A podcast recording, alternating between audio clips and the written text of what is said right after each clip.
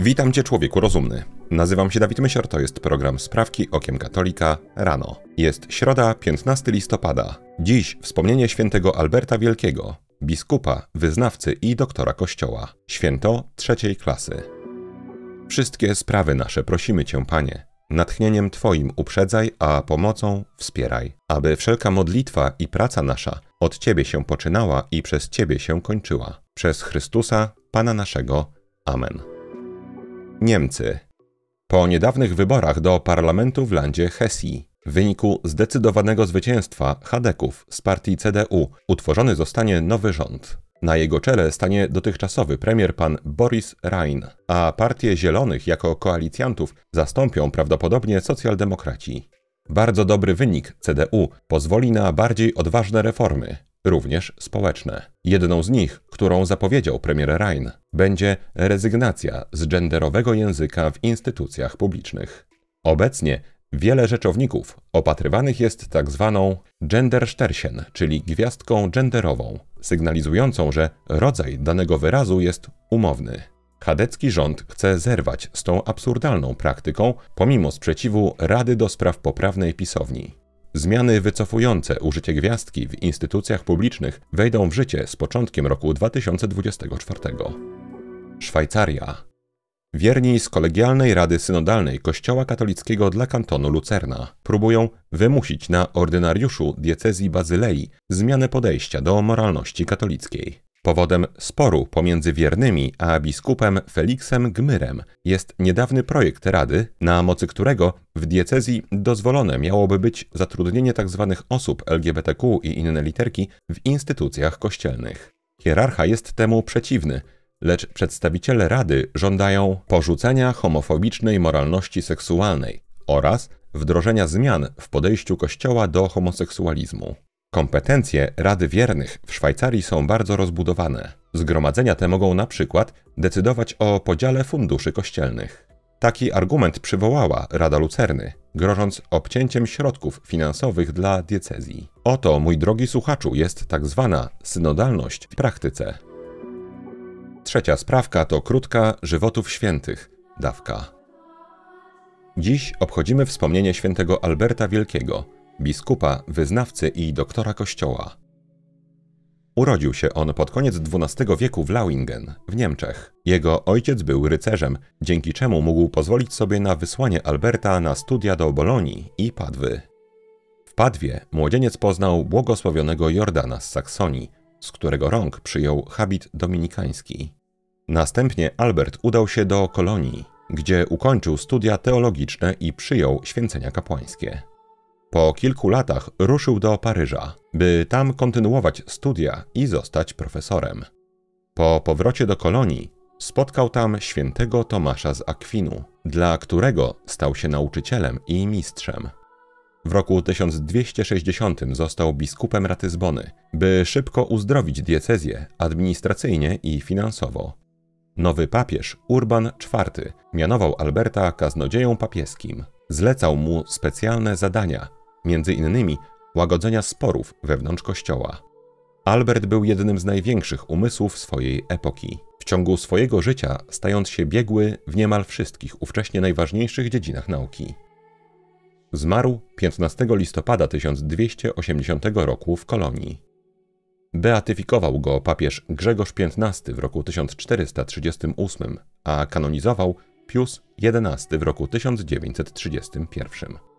Święty Albert Wielki jest doktorem Kościoła i patronem między innymi górników.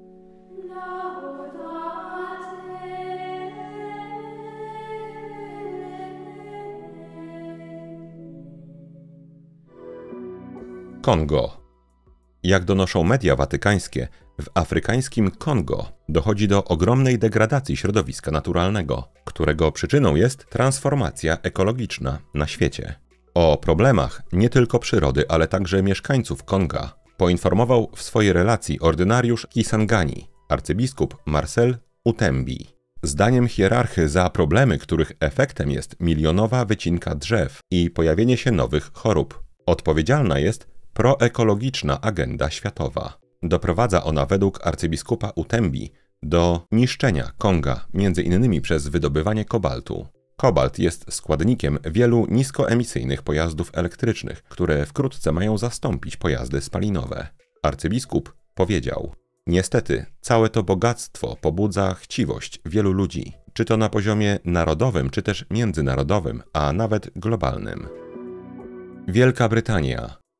Brytyjski dziennik Daily Mail poinformował o powołaniu nowego zespołu eksperckiego, którego zadaniem będzie weryfikacja wytycznych dla psychologów i terapeutów zrzeszonych w Brytyjskim Stowarzyszeniu Poradnictwa i Psychoterapii. Na uwagę zwraca fakt, iż jednym z kluczowych członków zespołu będzie profesor filozofii przebierający się za kobietę i posługujący się pseudonimem Sophie Grace Chappelle. Mężczyzna jest profesorem filozofii na Open University w Milton Keynes w Wielkiej Brytanii. Wielokrotnie lobował za dostępem transseksualistów do damskich szatni i przebieralni. Teraz jego zadaniem będzie ingerencja w pracę psychoterapeutów, a tym samym narzucenie im jeszcze bardziej radykalnej, progenderowej agendy. Stany Zjednoczone. We wtorek 7 listopada w amerykańskim stanie Ohio odbyło się referendum w sprawie tzw. Tak praw reprodukcyjnych, czyli zwiększenia dostępności do aborcji.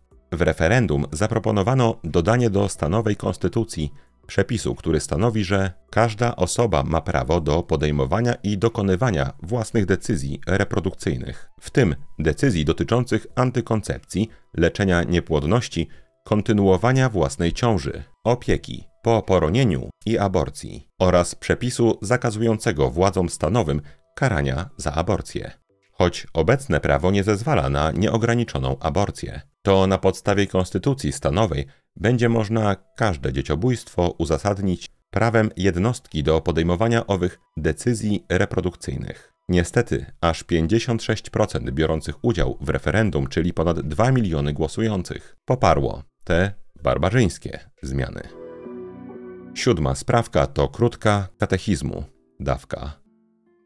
Katechizm według sumy teologicznej świętego Tomasza z Akwinu. Część pierwsza. Bóg, najwyższy byt, źródło i Pan wszelkiego istnienia. Kontynuacja punktu czwartego. Osoby boskie. Czy możemy poznać pewnego dnia tajemnicę Trójcy Świętej taką, jaka jest? Tak, możemy poznać pewnego dnia tajemnicę Trójcy Świętej taką, jaka jest, a to poznanie będzie naszym szczęściem wiecznym w niebie. Czy możemy tu, na ziemi, w jakiś sposób poznać którąś z rzeczy dotyczących tajemnicy Trójcy Świętej, biorąc pod uwagę naturę działań osób boskich, która jest właściwa dla działań duchów czystych. Tak, możemy, ponieważ te działania powodują, że w podmiocie działającym zachodzi podwójna relacja zasady i celu. Jest tak zarówno w akcie myślenia, jak i w akcie miłości. Stąd w Bogu, według tego, czego uczy nas wiara, w akcie myślenia Ojciec jest początkiem, który mówi, a Słowo jest słowem, które jest mówione. W akcie miłości Ojciec i Syn są wspólną zasadą dla Ducha Świętego, który jest miłością. Co w Bogu umożliwia istnienie tajemnicy Trójcy Świętej. Jest nią nieskończone bogactwo i płodność Jego natury, które powodują, że w Jego boskiej naturze jest coś takiego jak tajemnica pochodzenia. Jak nazywamy to pochodzenie w Bogu? Nazywamy je rodzeniem i tchnieniem. Co wynika z rodzenia i tchnienia w Bogu? Wynika z tego to, że pomiędzy tymi dwoma terminami, czyli pomiędzy tchnieniem i rodzeniem, istnieją relacje rzeczowe określające te terminy. Jakie są relacje w Bogu? Te relacje są cztery, a mianowicie ojcostwo, synostwo, tchnienie aktywne i pochodzenie, czyli tchnienie bierne. Czy te relacje w Bogu są tym samym, co osoby boskie? Tak, te relacje w Bogu są tym samym, co osoby boskie.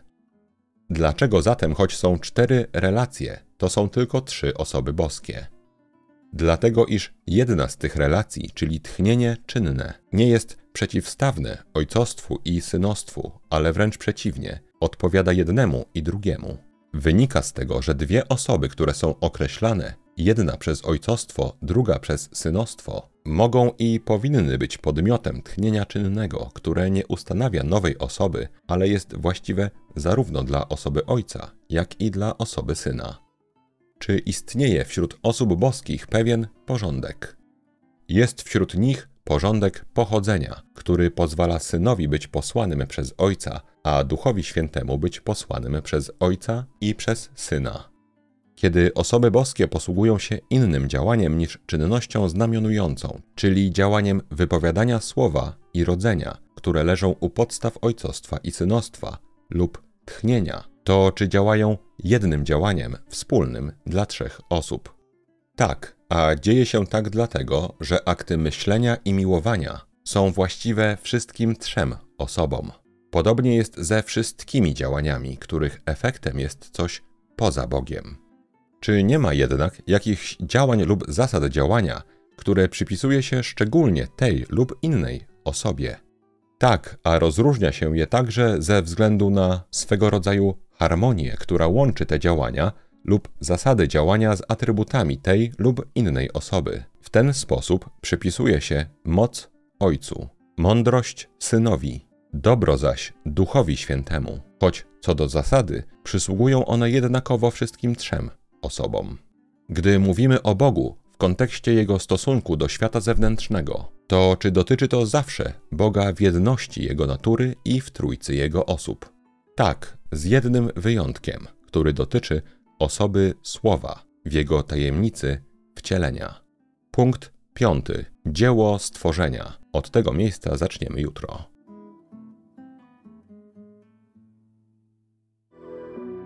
Polska. Wrocław nie ustaje w swoich planach utworzenia na terenie miasta tzw. Tak strefy czystego transportu. Ma to być obszar, na terenie którego obowiązywać będą radykalnie ekologiczne prawa, zakazujące poruszania się niedostatecznie zielonym pojazdom. Urząd Miejski Wrocławia zorganizował w związku z tym konsultacje społeczne. Ich kolejny etap będzie przeprowadzony w skrajnie wyselekcjonowanym gronie. Będzie to kilkadziesiąt podmiotów wybranych przez miasto spośród tych, które spełniają określone warunki. Konsultacje odbywać się będą w sesjach porannych, co jest dodatkowym utrudnieniem dla niewyspecjalizowanych społeczników. Pan Łukasz Bernaciński z Instytutu Ordo Juris w następujący sposób skomentował te ograniczenia. Trudno sobie wyobrazić, by przeciętny obywatel brał trzy dni urlopu, by przekonać władze miejskie, że nie powinny popełniać błędu Krakowa i ustanawiać strefy czystego transportu. Ponownie Polska. W miniony piątek pięciu liderów komitetów biorących udział w październikowych wyborach parlamentarnych podpisało wspólną umowę koalicyjną, która ma zapewnić im rządową większość trwającej już nowej kadencji Sejmu. Podpisaniu umowy wzięli udział liberalno-lewicowi politycy tacy jak pan Donald Tusk czy pan Robert Biedroń, ale także teoretycznie centroprawicowy pan Władysław Kosiniak-Kamysz. Treść umowy koalicyjnej zawiera, niestety, bardzo niebezpieczne, ideologiczne zapisy dotykające takich obszarów jak aborcja czy ideologia LGBTQ i inne literki. W umowie czytamy: Unieważnimy wyrok Trybunału Konstytucyjnego z roku 2020. Kobiety mają prawo decydowania o sobie. Państwo zapewni szczególne wsparcie dla par planujących rodzicielstwo poprzez finansowanie procedury in vitro. A trochę dalej czytamy: Walka z mową i czynami z nienawiści będzie naszym priorytetem. Znowelizujemy kodeks karny, tak aby mowa nienawiści ze względu na orientację seksualną i płeć była ścigana z urzędu. Ostatnia sprawka to krótka rozprawka. Dziś, mój drogi słuchaczu, o Twojej i mojej roli w obecnej sytuacji w kościele, a wiele wskazuje na to, że sytuacja ta nigdy nie była tak trudna jak dziś. Co konkretnie możemy zrobić? Po pierwsze, nie chwiać się zbytnio i wzbudzać w sobie zaufanie, że wszystko dzieje się z Bożym przyzwoleniem. Również zło i według wielu mądrych źródeł jest ono dopuszczone, by jeszcze pełniej objawiła się w duszach Boża chwała. Pytanie jednak brzmiało, co konkretnie możemy zrobić, lub być może co powinniśmy, musimy zrobić. Jak zwykle przypomnę, że moje rozprawki to słowa osoby świeckiej, która żadną miarą nie jest duszpasterzem, że nie należy niczego bezkrytycznie traktować jak drogowskaz, a jedynie jako pożywkę dla własnego rozumu. Moja teza jest zatem taka: podobnie jak trudno znaleźć czasy, w których w kościele było tak ciężko, tak Nigdy chyba w historii Kościoła rola zwykłego świeckiego nie była tak czytelnie określona jak w naszych czasach. Jako osoby świeckie należymy do tej części Kościoła, którą nazwać można Kościołem nauczanym, w odróżnieniu do Kościoła nauczającego, czyli Ojca Świętego, hierarchów kościelnych i duszpasterzy. Na Kościół nauczający, zwłaszcza Watykan, nie możemy wpływać inaczej, oczywiście z wyjątkiem tych z nas, którzy może osobiście znają papieża Franciszka albo jakiegoś kardynała, niż przez modlitwę, by otrzymali oni światło, siłę i męstwo potrzebne do wypełnienia woli Bożej na świecie. Do takiej modlitwy za papieża Franciszka i wszystkich hierarchów Kościoła bardzo Cię, mój drogi słuchaczu, zachęcam. Co jednak miałem na myśli, mówiąc o precyzyjnie określonym zadaniu każdego z nas? Chciałbym, idąc za tokiem rozumowania ludzi mądrzejszych ode mnie, odnieść się do objawień fatimskich, gdzie w roku 1929 Najświętsza Maria Panna zostawiła, można chyba powiedzieć, dwie instrukcje. Dla hierarchii Kościoła, Kościoła nauczającego, na przykład tę o poświęceniu Rosji jej niepokalanemu sercu, ale też drugą, dla nas, dla Kościoła nauczanego. Czy nie jest czasem tak, że intensywnie w napięciu obserwując, co robi hierarchia, możemy zapomnieć, że my też, o ile wyrazimy wolę uczestnictwa w realizacji Bożego planu, dostaliśmy instrukcję, co mamy robić. I przy okazji chciałbym zachęcić Cię do spojrzenia na doniosłość tego zaszczytu, jakim jest szansa i wezwanie, by odgrywać konkretną rolę w planie Bożym. Przychodzę przeto, powiedziała Matka Boża, prosić o zadośćuczynienie. Ofiaruj się w tej intencji i módl się. Czarno na białym, czy nie jest tak, że w czasach, gdy sytuacja w kościele jest trudna, a w świecie dzieją się rzeczy, które dawno już chyba przerosły wyobraźnię Orwella, nasza rola, jakby wytyczne, jak mamy reagować na tę sytuację, zostały precyzyjnie określone. Naszą rolą jest przede wszystkim, a jeżeli nie przede wszystkim, to na pewno między innymi. Przypominam, że nie jestem żadnym nauczycielem. Zadośćuczynienie za wszystkie zniewagi wyrządzone przez świat Najświętszej Maryi Pannie. Ofiaruj się w tej intencji i módl się, mówi Maryja. Co znaczy modlić się, przychodzi nam zrozumieć pewnie łatwiej niż co znaczy ofiarować się. Co to może znaczyć? U księdza Karola Sztelina przeczytałem.